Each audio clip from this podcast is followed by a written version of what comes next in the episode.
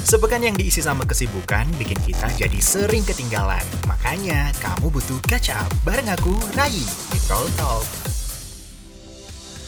Halo, gimana kabarnya? Cepat banget ya, udah akhir pekan lagi. Ya, walaupun gak secepat pergantian minggu ke Senin sih. Kita kalau udah ada di posisi kayak gini nih, harus pasrah-pasrah aja, harus cepat-cepat tidur malamnya, biar besok langsung ketemu Senin lagi.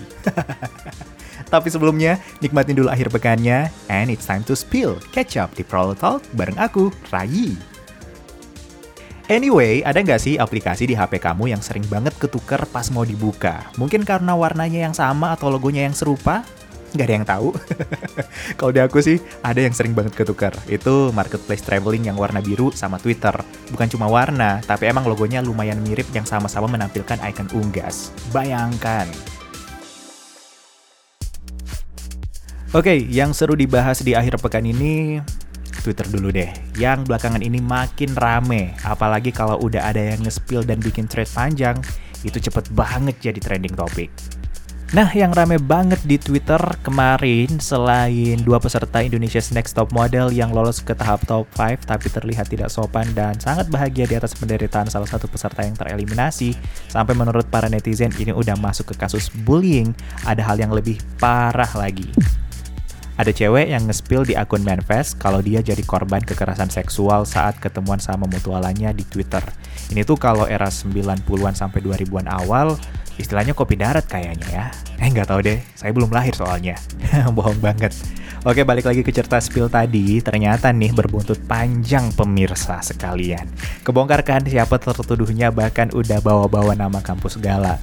Warganet udah mulai emosi, eh nggak lama kemudian muncul si tertuduh menjelaskan duduk perkaranya dari sudut pandang dia. Bayangkan, Ternyata waktu chat WhatsApp mereka dibeberkan, bisa dibilang tuduhan pelecehan tadi itu katanya nggak benar dan dilakukan semata-mata karena cowok ini menolak untuk berpacaran dengan cewek mutualannya di Twitter tersebut. Dan akhirnya warganet langsung heboh lagi, beberapa berbalik menyerang cewek yang spill tadi. Tapi banyak juga yang memilih untuk ada di tengah, netral nggak ikutan hujat siapa pun. Karena nih, menurut sebagian netizen, kelakuan mereka berdua emang nggak patut ditiru untuk generasi muda, gorgeous, young and powerful kayak kita. Kalau saya sih mikirnya serem aja sih untuk seorang cewek. Eh tapi jangan cewek, cowok juga lah gitu kan ketemuan sama orang yang kenalnya dari media sosial tanpa diantar sama siapa pun minimal ada bestie kita yang tahu kalau kita mau ketemu sama stranger gitu kan. Gimana kalau harta kita yang dirampas harta terus ya. Tapi mau gimana lagi? Ini jadi pelajaran banget buat kita. Selain jangan reaktif di media sosial berpihak pada korban harus. Tapi bukan berarti langsung menghujat gitu aja tertuduhnya ya Terus juga hati-hati sama persona seseorang di media sosial apalagi Omicron nih ya yang melonjak nggak usah kopi darat dulu lah ya. Nonton drama aja daripada bikin drama gitu kan. Oke selanjutnya masih dari Twitter dan lagi-lagi dari Manfest. Ada maba yang curhat kalau dia ternyata nggak kuat sama kehidupan kampus yang super sibuk. Sampai dia nggak punya waktu buat nyantai sedikit pun katanya. Dia nyoba minta izin cuti kuliah ke orang tuanya Katanya mau healing 6 bulan Tapi nggak dibolehin sama orang tuanya Tanggapan netizen sih lucu-lucu ya, beragam banget dan sangat variatif dan menyenangkan dan jenaka. Untuk yang satu ini ada yang bilang kalau healing 6 bulan itu lebih layak disebut hilang daripada healing katanya. Sampai salah satu psikiater terkenal ada Jimmy Ardian itu komen loh. Katanya kalau healing itu bentuknya bukan hanya menghindari ketidaknyamanan, tapi justru belajar menghadapinya. Jadi menurut dokter spesialis kejiwaan ini, cuti satu semester justru malah bukan healing tapi cuma lari dari kondisi nggak nyaman aja dan itu bukan solusi. Disaranin lagi kalau memang berat, segera konseling aja bukan menghindari situasinya. Memang ya kadang masa transisi itu nggak mudah. Nggak semua orang proses adaptasinya cepat. Sama kayak waktu pertama kali pandemi diumumkan. Rasanya ya bisa sama-sama merasakan ya hidup kayak jungkir balik dan mungkin masih ada yang belum bisa coping dengan situasi ini. Kalau kamu ngerasa hal ini, baiknya segera cari pertolongan dari profesional, apalagi sekarang layanan konseling pun udah banyak yang bisa diakses online. Tapi saya sih ngarapnya ke depan ya, ini buat para pemerintah lah ya.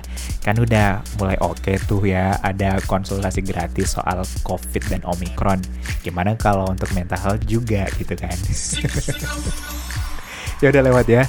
Ngomongin coping mechanism, kalau saya selama pandemi ini ya bisa tetap happy dengan nonton series atau film. Ya walau ada aja tayangan yang malah bikin kita naik tekanan darah. Kayak misalnya ini nih film dari The World of Merit misalnya. Apalagi ternyata kisah ini beneran terjadi di dunia nyata, tepatnya di Korea. Jadi ini tuh bukan cerita baru, tapi ke lagi gara-gara hadirnya mereka berdua di Berlinale Film Festival 2022. Jadi warganet ini emosi lagi nih, apalagi mengingat Hong Sang-soo yang merupakan sutradara dan Kim Min Hee yang adalah aktris. Dulu mengumumkan hubungannya di depan publik tanpa malu-malu. Padahal Hong Sang-soo masih berstatus suami dengan satu anak remaja. Hmm, kok mirip ya sama cerita The World of Merit ini? Kabarnya sih Hong Sang-soo ini emang udah lama mau pisah sama istri sahnya, entah dengan alasan apa. Tapi lantaran terlanjur diketahui selingkuh, ya menurut aturan hukum di Korea Selatan, dia jadi nggak bisa ngegugat cerai gitu. Dan untuk bisa terjadi, ya harus pasangannya yang menggugat. Pokoknya ribet lah. Eh tapi selain couple paling dibenci di Korsel ini, ada highlight lain dari Berlinale Film Festival 2022, yaitu Laura Basuki, aktris kenamaan Indonesia yang berhasil membawa pulang penghargaan The Silver Bear for the Best Supporting Performance. Piala tersebut diraih Laura setelah menjadi pemain pendukung film Before, Now, and Then sebagai Nana. Duh, bangga banget ya. Selamat ya untuk Mbak Laura Basuki tercinta kita semua. Yap, kabar dari Laura Basuki tadi sekaligus jadi penutup kecap episode ini nih. Jangan lupa buat self-care ya, karena besok Senin lagi. Oke, okay, sampai ketemu lagi bareng aku Rai. It's time to spill kecap di Prowl Talk.